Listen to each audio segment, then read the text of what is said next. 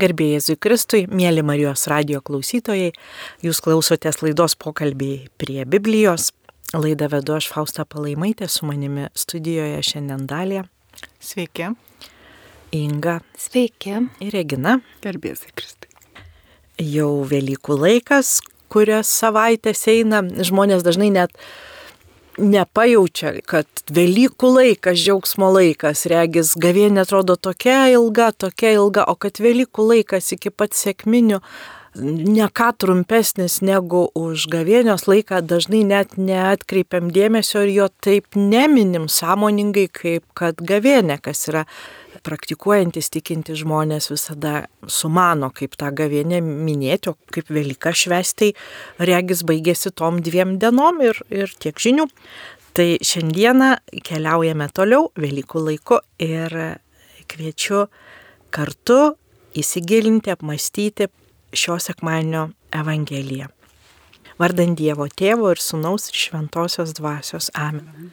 Viešpatie Jėzau dėkojame už prisikelimo dovaną, už tai, kad mums tu apreiškiai pačius slapčiausius, švenčiausios trejybės dalykus, kad apreiškiai pačias giliausias tikėjimo tiesas ir mums tai reikia pasigilinti, primti ir, ir keliauti su tavim vis giliau į tikėjimą, į, į tą amžiną gyvenimą, į kurį mus nuolat kvieti eiti.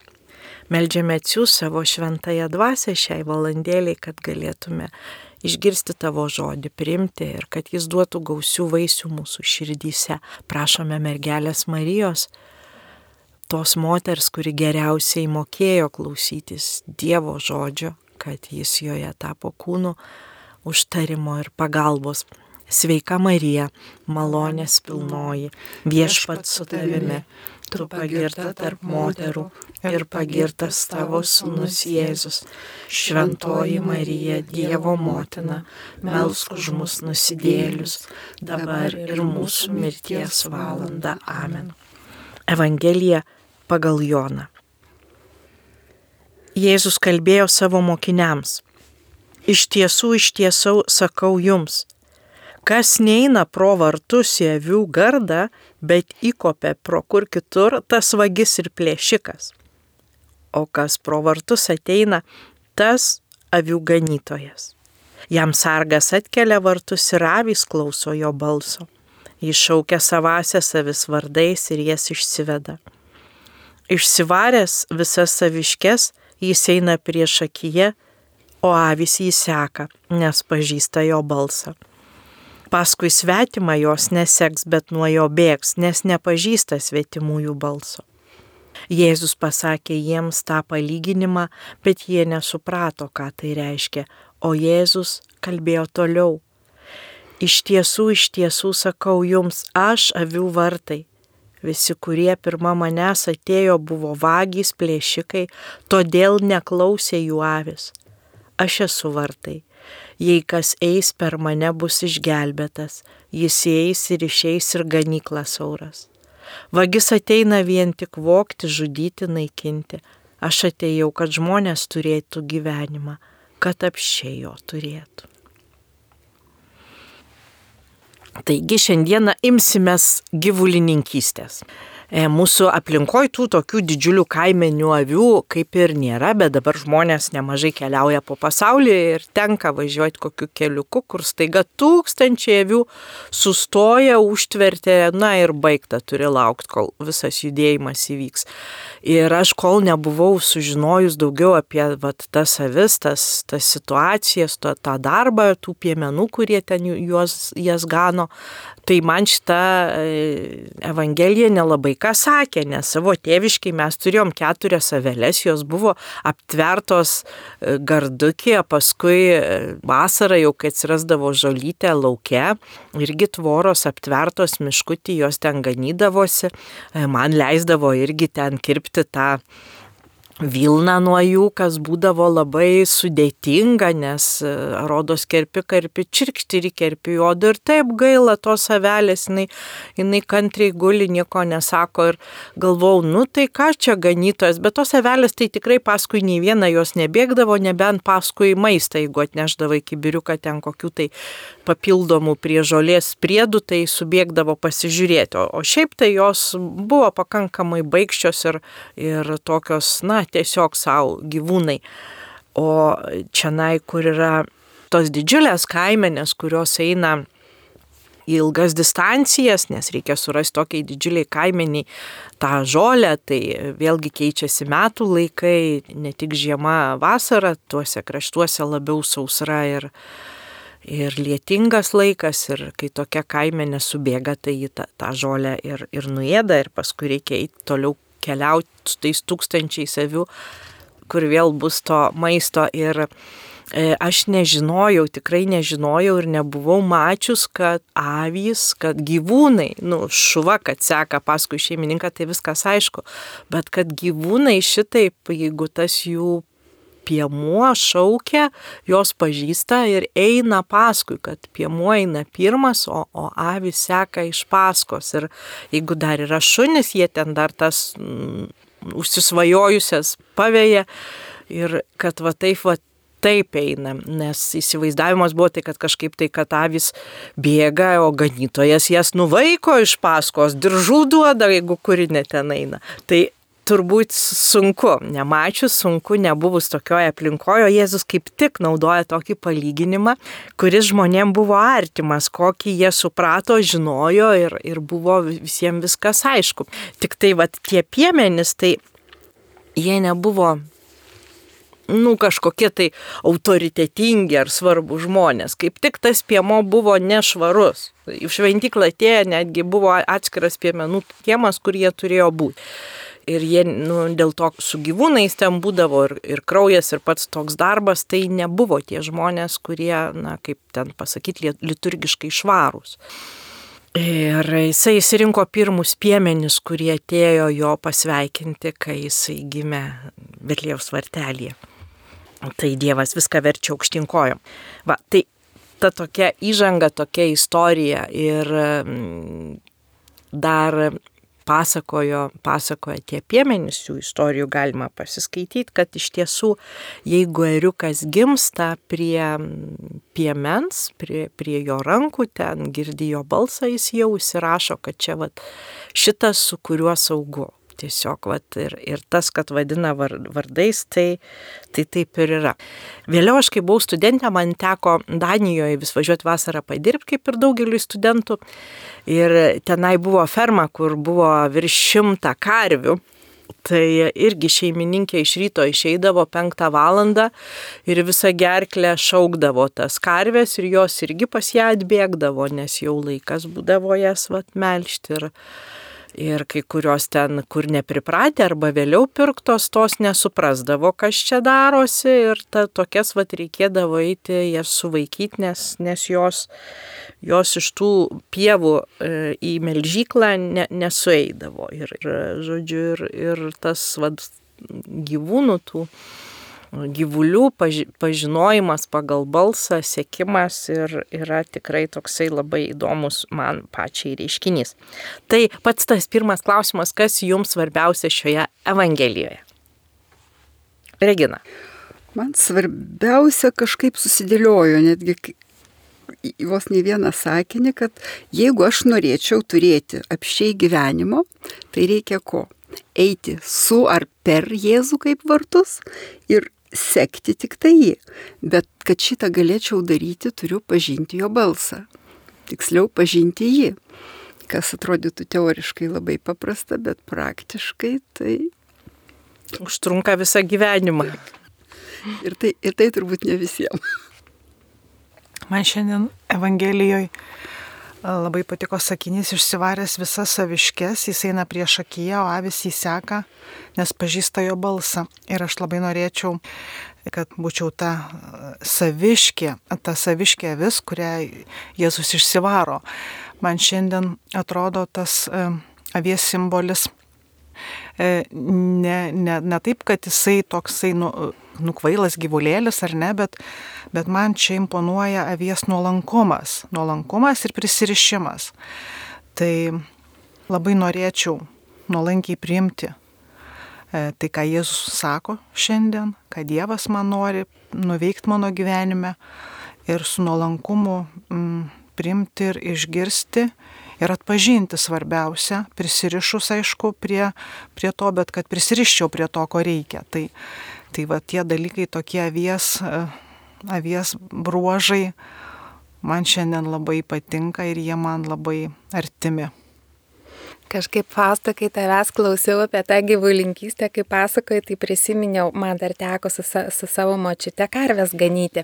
Visas kaimas sukindavo tas karves ir paskui po laukus ten mes ir jau vakare, o mūsų kaimas buvo dvi gatvės tokios ir vakare nuo kalno, būtent vat, iš tos pusės gindavom karves, tos karves tiesiog bėgte ir kiekvieną į savo tvartą prie savo namų. Tai va, tai kažkaip prisiminiau labai geras prisiminimas. O kas šitoje Evangelijoje man yra mm, svarbu, taip iš karto, kai ją perskaičiau, kilo asociacija, pasaka, su pasaka, kur e, vilkas ir septyni ožiukai kaip mama sako savo ožiukam, nu šiukštu, tai tik tai jau nieko į namus neįsileiskite, tik tai mane o vilkas jau ten daro visokiausius šposus, eina net pasi, paskalbį liežuvį paploninti, kad apgautų tuos ožiukus.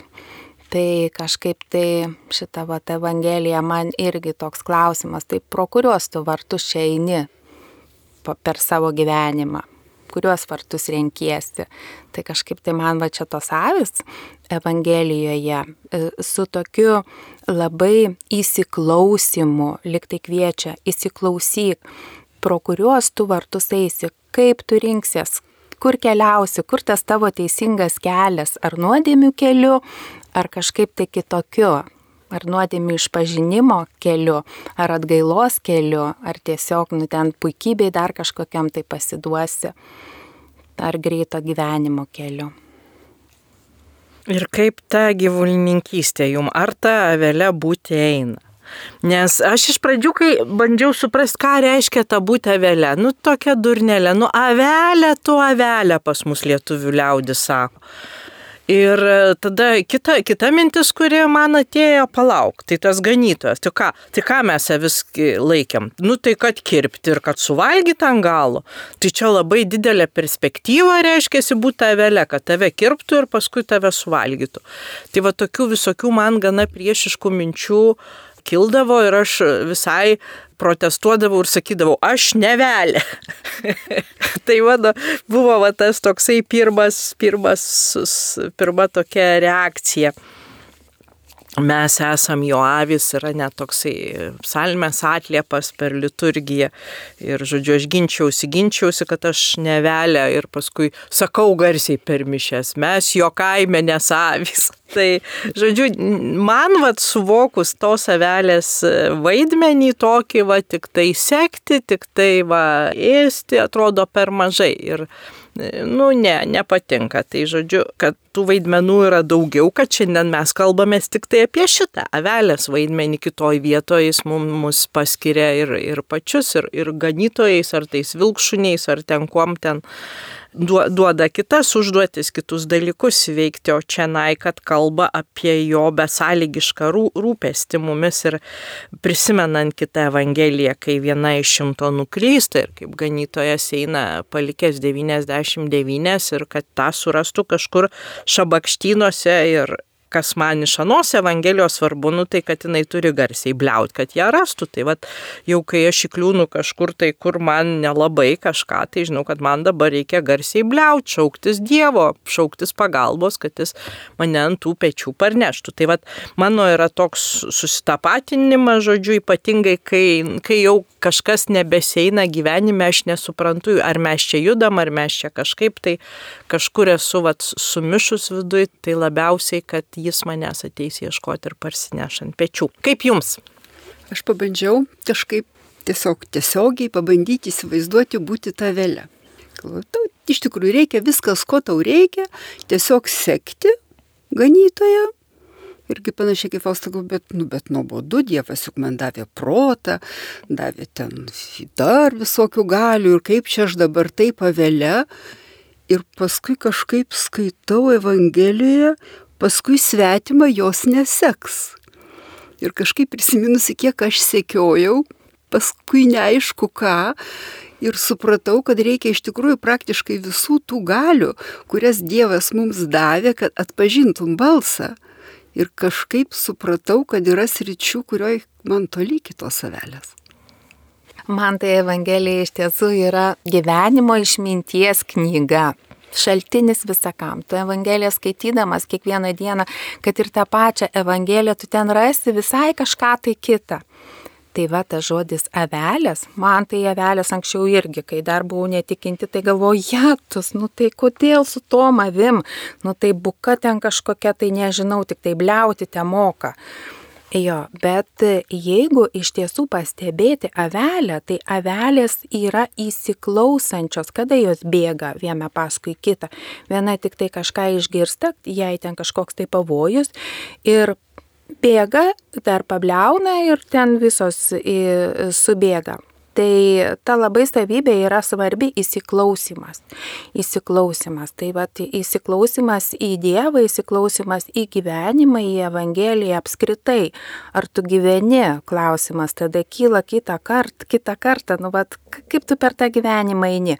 Ar stačia galva visur rytiesi ir gali ten nusiristi, net neaišku, ir to pabandysiu, ir parūkysiu, ir pagersiu, ir pasvetimo teriausiu, ir ten narkotėlių biškelį paragausiu neįsiklausius, tai tai gali, nes tai yra trumpalaikis toks malonumas ir man bus taiga viskas labai tenai gerai. Ar tu įsiklausysi ir pasvarstysi, ar čia tikrai man to reikia, man gal kitokių visai vertybių reikia. Tai man ta avis toks, toks jo, iš gerosios pusės aš šitoje evangelijoje suprantu. Štai galiu sakyti, kad nu, 50 ir, ir daugiau net metų bėgiojau ir nenorėjau būti avim, ir nenorėjau atpažinti, bet kai atpažinau, tai suprantu, kad labai gera. Tai suprantu, kaip tai aveliai yra gera gyventi, ramu, be rūpeščių. Aišku, Dievas taip nesuteikia be rūpeščių gyventi, bet atpažinti jo balsą, kad suteikia ir, ir, ir atveda į mano gyvenimą daug žmonių, kurie man padeda tą balsą atpažinti, tai aš už tai yra, esu dėkinga, kad aš esu avelė. Ir noriu ją būti. Jėzus sako, aš esu vartai. Kaip čia suprasti? Kaip jūs suprantat? Kad reikia eiti pro tuos vartus. Pas Jėzų. Vartai tai ko gero yra, nu ne ko gero, iš tiesų yra tokioj plačioj dideliai tvoroj kažkoks tai siauras tarpas. Reiškia, per kurį tu gali praeiti. Ir, ir jeigu tu ten eisi kur nors kitur, gali labai stukteltis, tas Jėzus vartai, tai ko gero tas ta visa Evangelija, visas mokymas yra, nu, kaip ir sako, tam, kad tu būtum laimingas, kad tu galėtum eiti kažkur nueiti ir kito kelio nėra.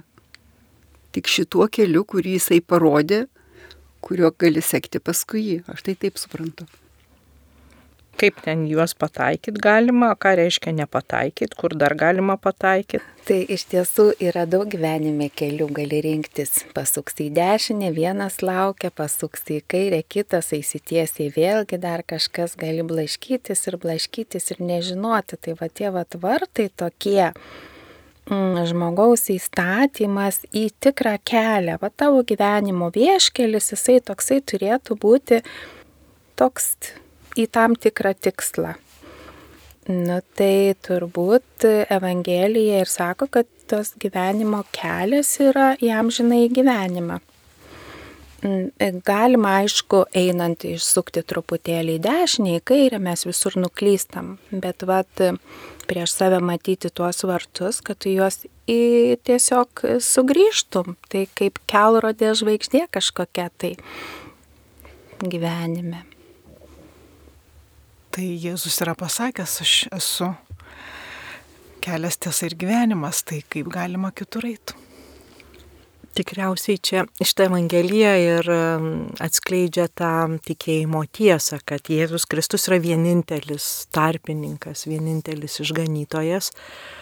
Ir taip pat duoda atsakymą, nes žmonės sako, o aš sveikai maitinsiuos, aš gerai mąstysiu, aš ten sportuosiu, darysiu gerus darbus ir aš geras žmogus, negi manęs kažkaip tai, bet sako, kad yra vieninteliai vartai ir neužtenka viso to. Labai gerai, jeigu sekasi gerai mąstyti, gerai sportuoti, maitintis ir dar gerus darbus daryti, bet neužtenka neužtenka, įeis ir išeis ir gyvenimą ras. O jeigu neišeis ir, ir neras to gyvenimo, taip ir baigsis. Ir, ir iš tiesų stebint, kadangi aš Selovadui dirbu jau daugiau kaip 20 metų, va, tų žmonių, kurie ieško tų va, visokių uh, Nu ir to, ir to, ir visada toks jausmas, kad viduj trūksta, kad nėra to, to tikrumo. Jau, jau šita mytyba jau pati geriausia, jau dabar amžinai gyvensiu kūnas nesens, oda nesiraukšlės ir, ir sanariai neskaudės, ai ne, nu, mytyba neišgelbėjo, tai tada jau dabar kvepavimas, pratimai, tada knygos mąstymai, ten kažkokie tai, vat, kažkokį tai gauti savo žmogus nori, na, kol nesuranda viešpaties kažkokį tai savo aukšt, aukštesnį suvokimą, maždaug aš tai nušvitęs, jūs tai visi tamsuoliai. Ir veda tiesių kelių iš tikrųjų į va, tą egoizmą, nes ką demonai nori, kad žmogus save garbintų. Tai net siekdamas gerų tų dalykų, bet, bet net tuo keliu žmogus gali daug ką prarasti. Ir man turbūt šita tematika dar labai toks brangus dalykas yra 23 psalmė. Noriu ją paskaityti, jinai man labai reikšminga ir aš ją, aš jos grebiuosi tam tikrais atvejais. Viešpats mano ganytojas, man nieko netrūksta. Žaliose pievose jis mane guldo, prie ramių vandenų gano. Jis atgaivina mano gyvasti ir veda teisumo takais, kaip dera jo vardui. Nors einu per tamsiausią slėnį, nebijau jokio pavojaus, nes tu su manimi. Tavo ganytojo lasda ir vėzdas apgins mane. Tu padengi man stalą mano priešų matomoje vietoje. Patepi dosniai mano galvą liejumi, sklidina mano taurė. Tik gerumas ir ištikimoji meilė lydės mane per visas mano gyvenimo dienas. Ir aš visada gyvensiu viešpaties namuose. Suprantama, kad šita psalmė daug ankstesnė už Evangelijos tekstą. Ir tekstas yra jau kaip tos e, psalmės toksai, štai, štai koks tas ganytojas.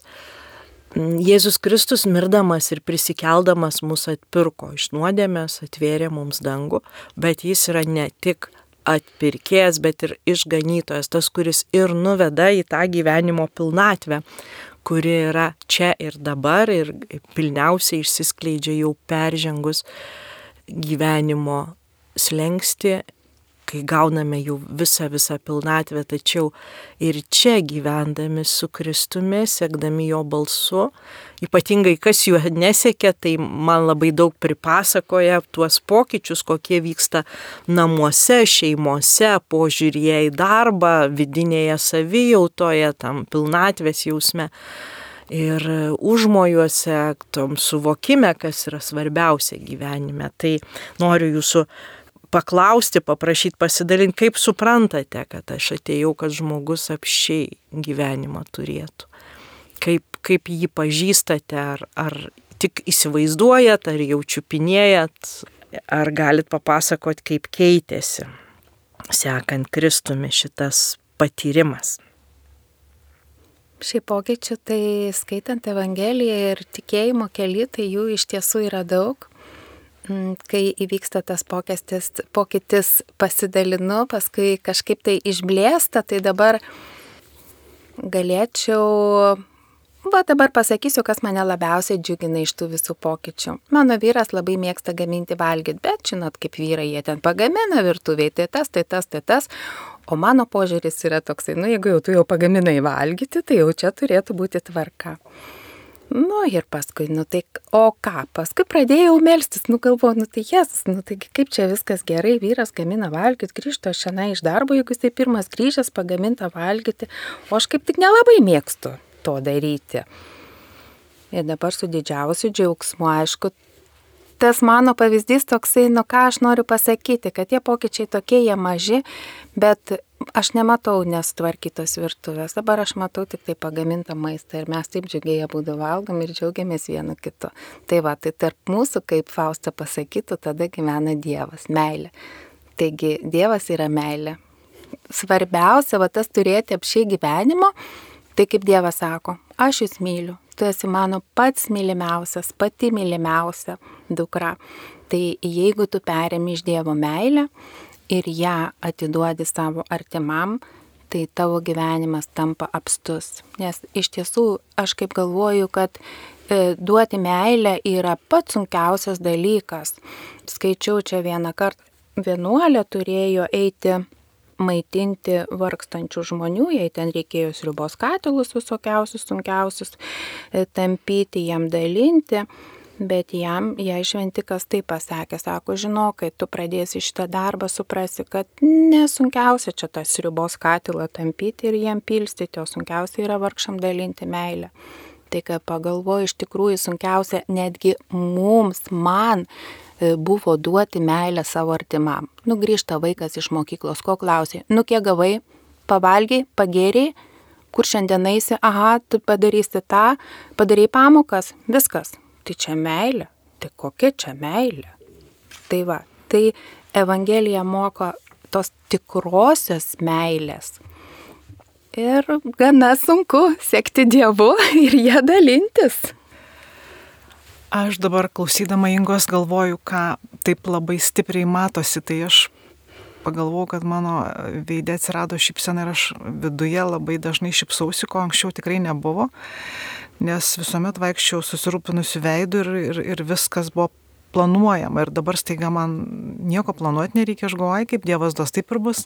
Ir aš išeinu į, į, į žmonės, išeinu į gatvę, išeinu į lauką ir aš matau, kiek daug ten visko gražaus, kiek ten visko daug gero, kokie visi vaikai geri, e, kokios močiutės geros kokie vairuotojai mandagus praleidžia visada per periją, man tiek yra E, gera nuo to, kad gera ir nuo to, kad ramu ir, ir aš džiaugiuosi labiausiai, aišku, tai savo širdies ramybę, kuri kurie gyvenu, kurios prašau kiekvieną rytą, kiekvieną vakarą už ją dėkoju, nes kai mano širdis rami, tada aš girdžiu, ką man Dievas sako, tada aš girdžiu, e, ką turiu įdaryti, ką, ko prašo mano artimasis, ko reikia.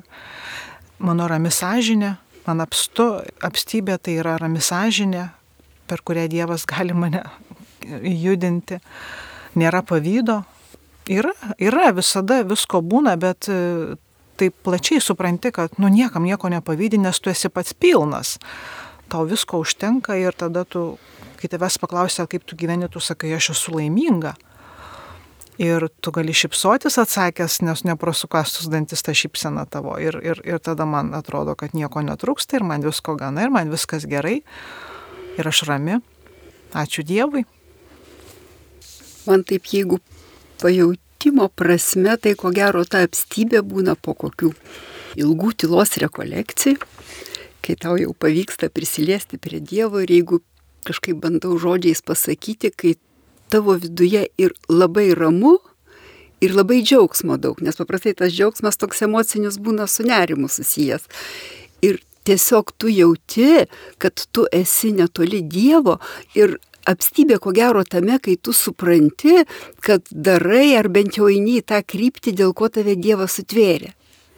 Kad tu atskirai negali vienas, bet, nu yra, va, tokių pajūtimų. Ir svarbiausia, kad tuo metu tau tada pasidaro visiškai nesvarbu, ką ir kiek tu turi, ką ir kaip tu jautiesi.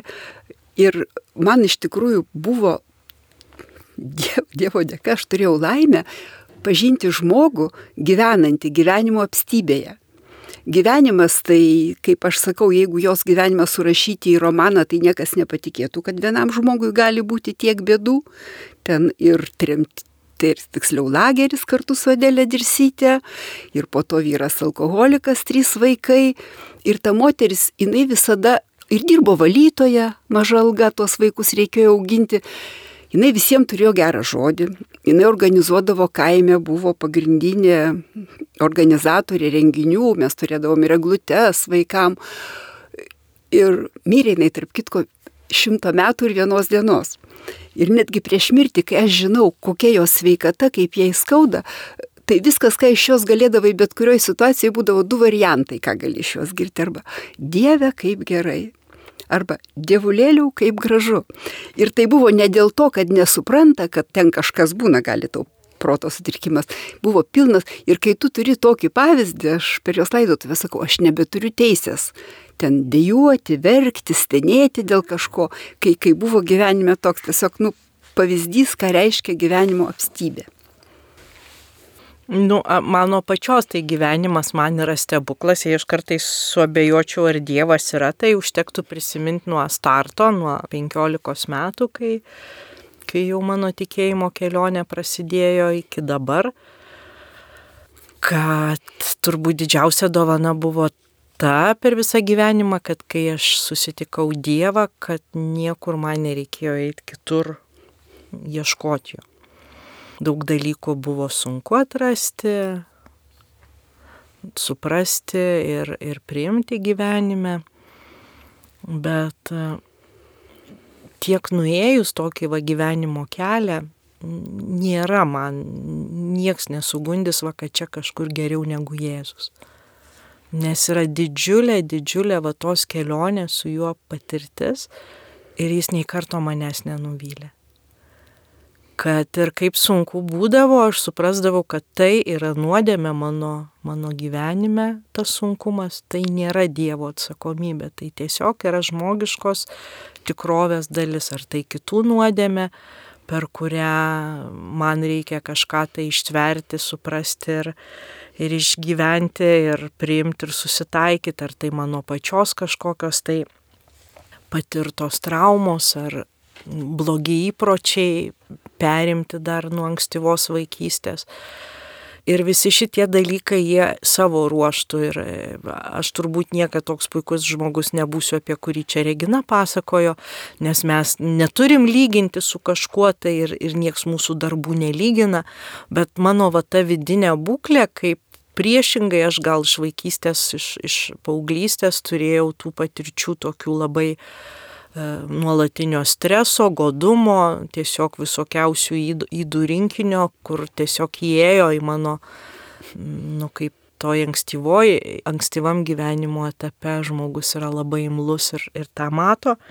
Ir kaip tik trūko tų žmonių, kurie man pasakytų, parodytų, kad aš esu vertinga, gera, mylėtina.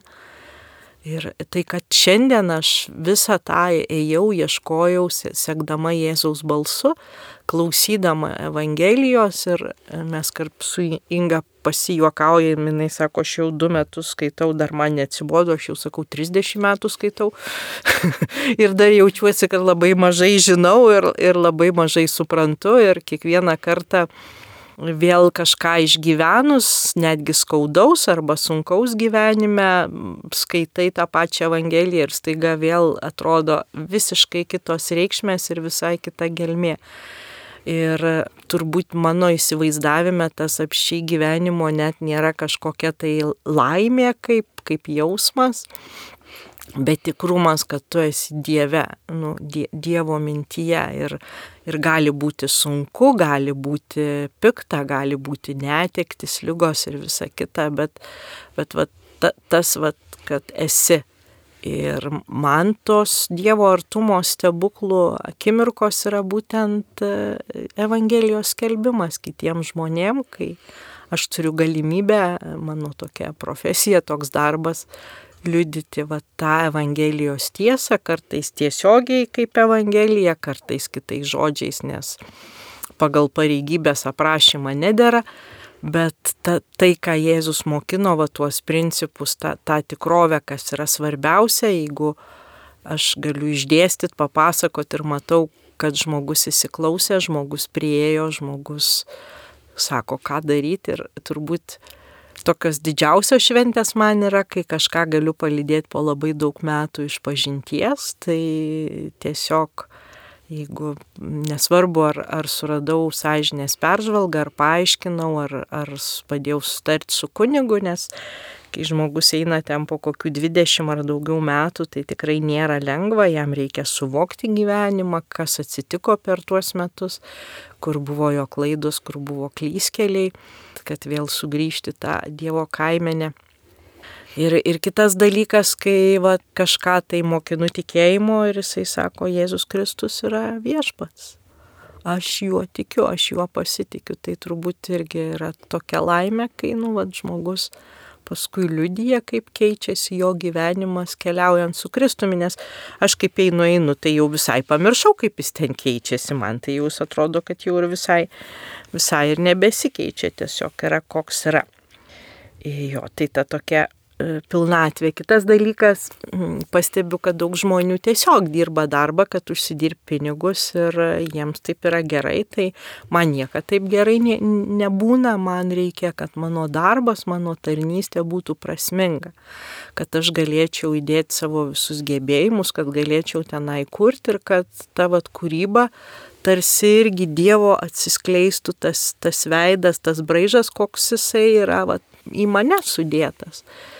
Ir e, man labai būna džiaugsmas didelis irgi sustikus tikinčius ar netikinčius, nesvarbu kokius žmonės, bet kurie savo tarnyboje, savo darbe, nu visą gyvenimą sudeda, kurie iš tikrųjų myli savo, kaip ten juos pavadinsim, ar klientus, ar pacientus, ar dar, nes kiekvienas darbas vis tiek kažkam tai tarnauja ir, ir žiūri tą žmogų su dėkingumu, turi jam tą, vat, nu, vat, jis yra savo misijoje. Tai vad man, man irgi prie tos gyvenimo apstybės yra būtina šita dalis ir aš žinau, kad nu nėra kaip jeigu aš atsikeliu pirmąjį, Dieve, ką tu nori daryti. Tai labai aišku, ką jisai nori, kad daryčiau, tai kad eičiau į savo darbą ir mylėčiau žmonės, vad kiek aš jau turiu gebėjimų, kiek turiu profesionalumo, kad jį visą įdėčiau ten, kur aš esu, dėl Jėzaus ir gali patikti klientas, gali nepatikti, gali būti laimingas, gali būti šiaip savo.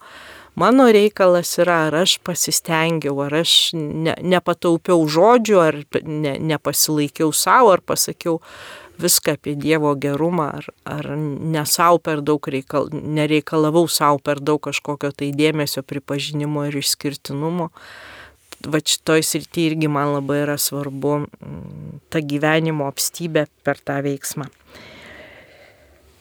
Dar trumpai norėčiau pasakyti, kaipgi čia bendrai Evangelijoje pagal Joną atsiranda šitą Evangeliją. Ji iš esmės konfrontuoja su esama situacija, kokia ten yra tekste. Tuo tarpu Jėzus atveria akis neregiui ir ten prasideda visokie konfliktai, disputai, ką čia, kas čia teisus, kas čia neteisus, kaip čia, kaip čia kas turi daryti ir kyla iš tikrųjų priešiškumas labai stiprus ir fariziejų arba e, religinės valdžios nusistatymas prieš Jėzų. Ir e, čia Jėzus sako apie tai, kad e, šitie lyderiai religijos kurie dabar yra, jie yra kaip vilkai. Jie ateina, prisidengia mano vardu, ganytojo vardu ir iš tikrųjų vienintelio dalyko, ko tikisi savo naudos, garbės ir prisiplėšti savo ir pinigų ir, ir vat, laikyti tą tokį griežtą autoritetą uždaryti siauram gardukį visas avis ir marinti jas badu. Ir kuogi naudojasi religinė valdžia, naudojasi va tuo autoritetu drausti, įsakinėti žmonėm. O sako, manosios avys klauso mano balso, nes tai, ką Jėzus kalba žmogui, atliepia į jo giliausius troškimus. Ir žmonės tūkstančiais rinkdavosi prie Jėzaus ne todėl, kad jis ten kažką tai tokio, kažkokias tai stebuklingas paslaptis sakydavo, bet tai, kad jis kalbėdamas perduodavo žinę žmogui, kad jis yra skirtas, jo gyvenimas yra amžinas, kad jis yra Dievo mylimas, kad jis yra be galo vertingas, kad jis yra svarbus, kad kiekviena jo diena yra svarbi tuos paprastus dalykus, žmonės klausydami Jėzaus atpažindavo, tai yra noriai jo klausėsi, arba kitose vietose sako, jis kalbėjo ne kaip rašto aiškintojas, bet kaip turintis galę, kaip turintis pažinimą. Ir kai Jėzus tas ganytojas iš tiesų jisai prieina prie kiekvieno savo žmogaus ir prabyla. Vieniem galbūt per kažkokį tai žmogų, kunigą ar, ar vienuolį vienuolę, ar kitą pasaulietį tikinti žmogų praktikuojantį. Kitiems kitas žmogus randa va kokią knygą ir beskaitydamas visai kitaip suvokia gyvenimą. Ir nereikia versti per prievartą kažkaip tai ginti varžyti, tai nėra Jėzaus kelias. Jeigu žmogaus tikėjimas tampa tik suvaržymų rinkiniu, kur to negalima, nuo negalima, šito negalima ir to, nes bus blogai, nes tu pražūsi, tai nėra ta Evangelija, ne Kristaus Evangelija. Gali būti, kad žmogus turi laikytis kažkokių tai reikalavimų, bet taip, kaip jisai laikosi, yra neteisinga. Nesako, kad ganytojas kalba ir avis seka paskui jo balsą, negina jų, nekandžioja šuva į javelės užpakalį, kad jinai bėgtų, bet šaukia ir atsiliepia. Ir, ir ši Evangelija mums, mus ragina ieškoti to balso būdo. Ir štai Marijos radijas yra vienas iš tų balsų, kurios, kuris pasiekia daugybę žmonių atokiausiose vietovėse taip pat e, sukaustytų lygų ar, ar amžiaus visokių sunkumų. Ir žmonės gali girdėti, gali girdėti maldą sklindančią čia iš studijos, gali girdėti dalyvauti mišiuose, nors jau nepajėgia patys nueiti. Tai yra kaip va tas viešpaties balsas, bet visus kitus labai noriu paraginti tuos, kurie turi jėgų eiti, ieškoti, nepatingė dėl savo sielos išganimo, pasieškoti tų žmonių, tų tikinčiųjų, kurie taip perduoda tikėjimą, kad aš galiu atpažinti, jog tai yra Dievo vedimas, Dievo kvietimas. Ir jei tik religija tapo ta, kuri sukausto, suvaržo, mes neįeisim pro tuos vardus, ne, ne, nerasim to gyvenimo, nes rezultatas, kokį viešpats žada, kad apščiai būtų gyvenimo visur. Ir taip mūsų žmogiškos būties ribotumas, na, neleis žmogui, kuris yra neįgalus, paralyžiuotas ar dar kažkaip tai suvaržytas padaryti, kad jisai toks nebūtų, kad būtų visada jaunas, visada žvalus, visada toks, bet mūsų kelionė su Jėzum padaro, kad šitose sąlygose, į kurias mes įkliūnam, į į tuos ribotumus, kad juose mes galim būti patenkinti, nes viešpats yra su mumis. Ir netgi išgyvendami skausmą, netekti ir vis, visus kitus dalykus galime per tai atrasti gilesnę pilnatvę, kreipdamiesi, įsiklausydami į viešpaties balsą. Tai šiandien ir baigsime mūsų pokalbį. Jūs girdėjote laidą pokalbį prie Biblijos, o mūsų susitikimą užbaigime maldą. Dėkojame viešpatie, kad mus ganai, kad mums tikrai nieko netrūksta, kad ėjimas su tavim yra kupinas laisvės ir kad vienintelis dalykas, kuris yra svarbus, tai įsiklausyti tavo balsą, būti jam atidiems ir sekti, kur mus kvietė eiti, kad mokėtume priimti ką mums duodi ir dosniai atiduotume tai, ką iš mūsų pasiemi, nes matyt, tai trukdo mūsų kelioniai į gyvenimo pilnatvę. Ir šią dieną kviečiu apglėpti visus malda tuos, kurie šią dieną yra nuklydę nuo kaimenės, praradę tikėjimą arba panirę bei ajonės arba nusekę paskui kitus, net tuos balsus, kad jie galėtų išgirsti tiesos balsą, viešpaties balsą ir e, paskui jį keliauti į tikrą pilnatvę. Tėve mūsų, kuris esi danguje, Tiesie šventas tavo vardas, te ateinie tavo karalystė, tiesie tavo valia, kaip danguje, taip ir žemėje. Kasdienis mūsų duonos duok mums šiandien ir atleis mums mūsų kaltes, kaip ir mes atleidžiame savo kaltininkams. Ir neleisk mūsų gundyti, bet gelbėk mus nuo pikto. Amen. Te palaimina mus Dievas Tėvas, Sūnus ir Šventoji Dvasia. Amen. Amen. Likite su Marijos radiju.